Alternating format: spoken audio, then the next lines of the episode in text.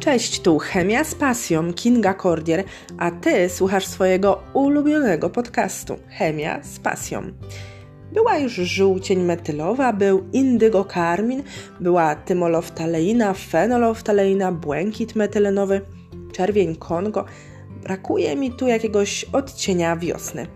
Mimo, że do tego czasu jeszcze nam troszkę pozostało, ale tak dla ożywienia naszych oczu dziś zieleń malachitowa. Co to takiego? Zieleń malachitowa?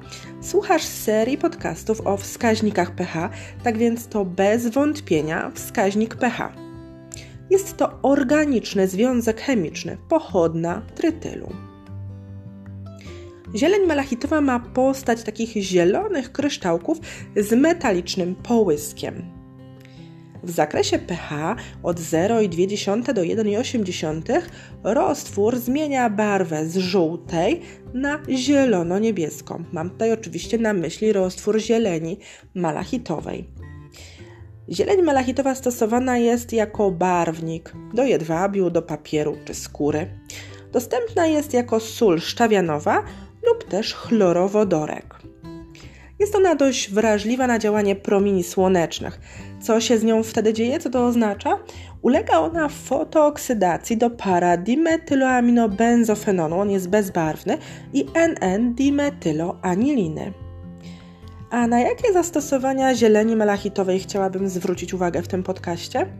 Przede wszystkim na zastosowanie w hodowli ryb, mięczaków, skorupiaków.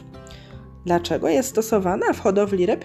Ponieważ służy ona do zwalczania grzybów i pierwotniaków, które atakują ikrę i ryby. Po raz pierwszy użycie zieleni malachitowej odnotowano w roku 1936. Niestety nielegalnie stosuje się ją do dnia dzisiejszego jako środek dezynfekcyjny w infekcjach ryb ze względu na jej po pierwsze dużą skuteczność, no i niską cenę. W 2000 roku Unia Europejska zakazała stosowania zieleni malachitowej w hodowlach ryb przeznaczonych do konsumpcji. Dlaczego? Ze względu na kumulowanie się zieleni malachitowej w organizmach ryb.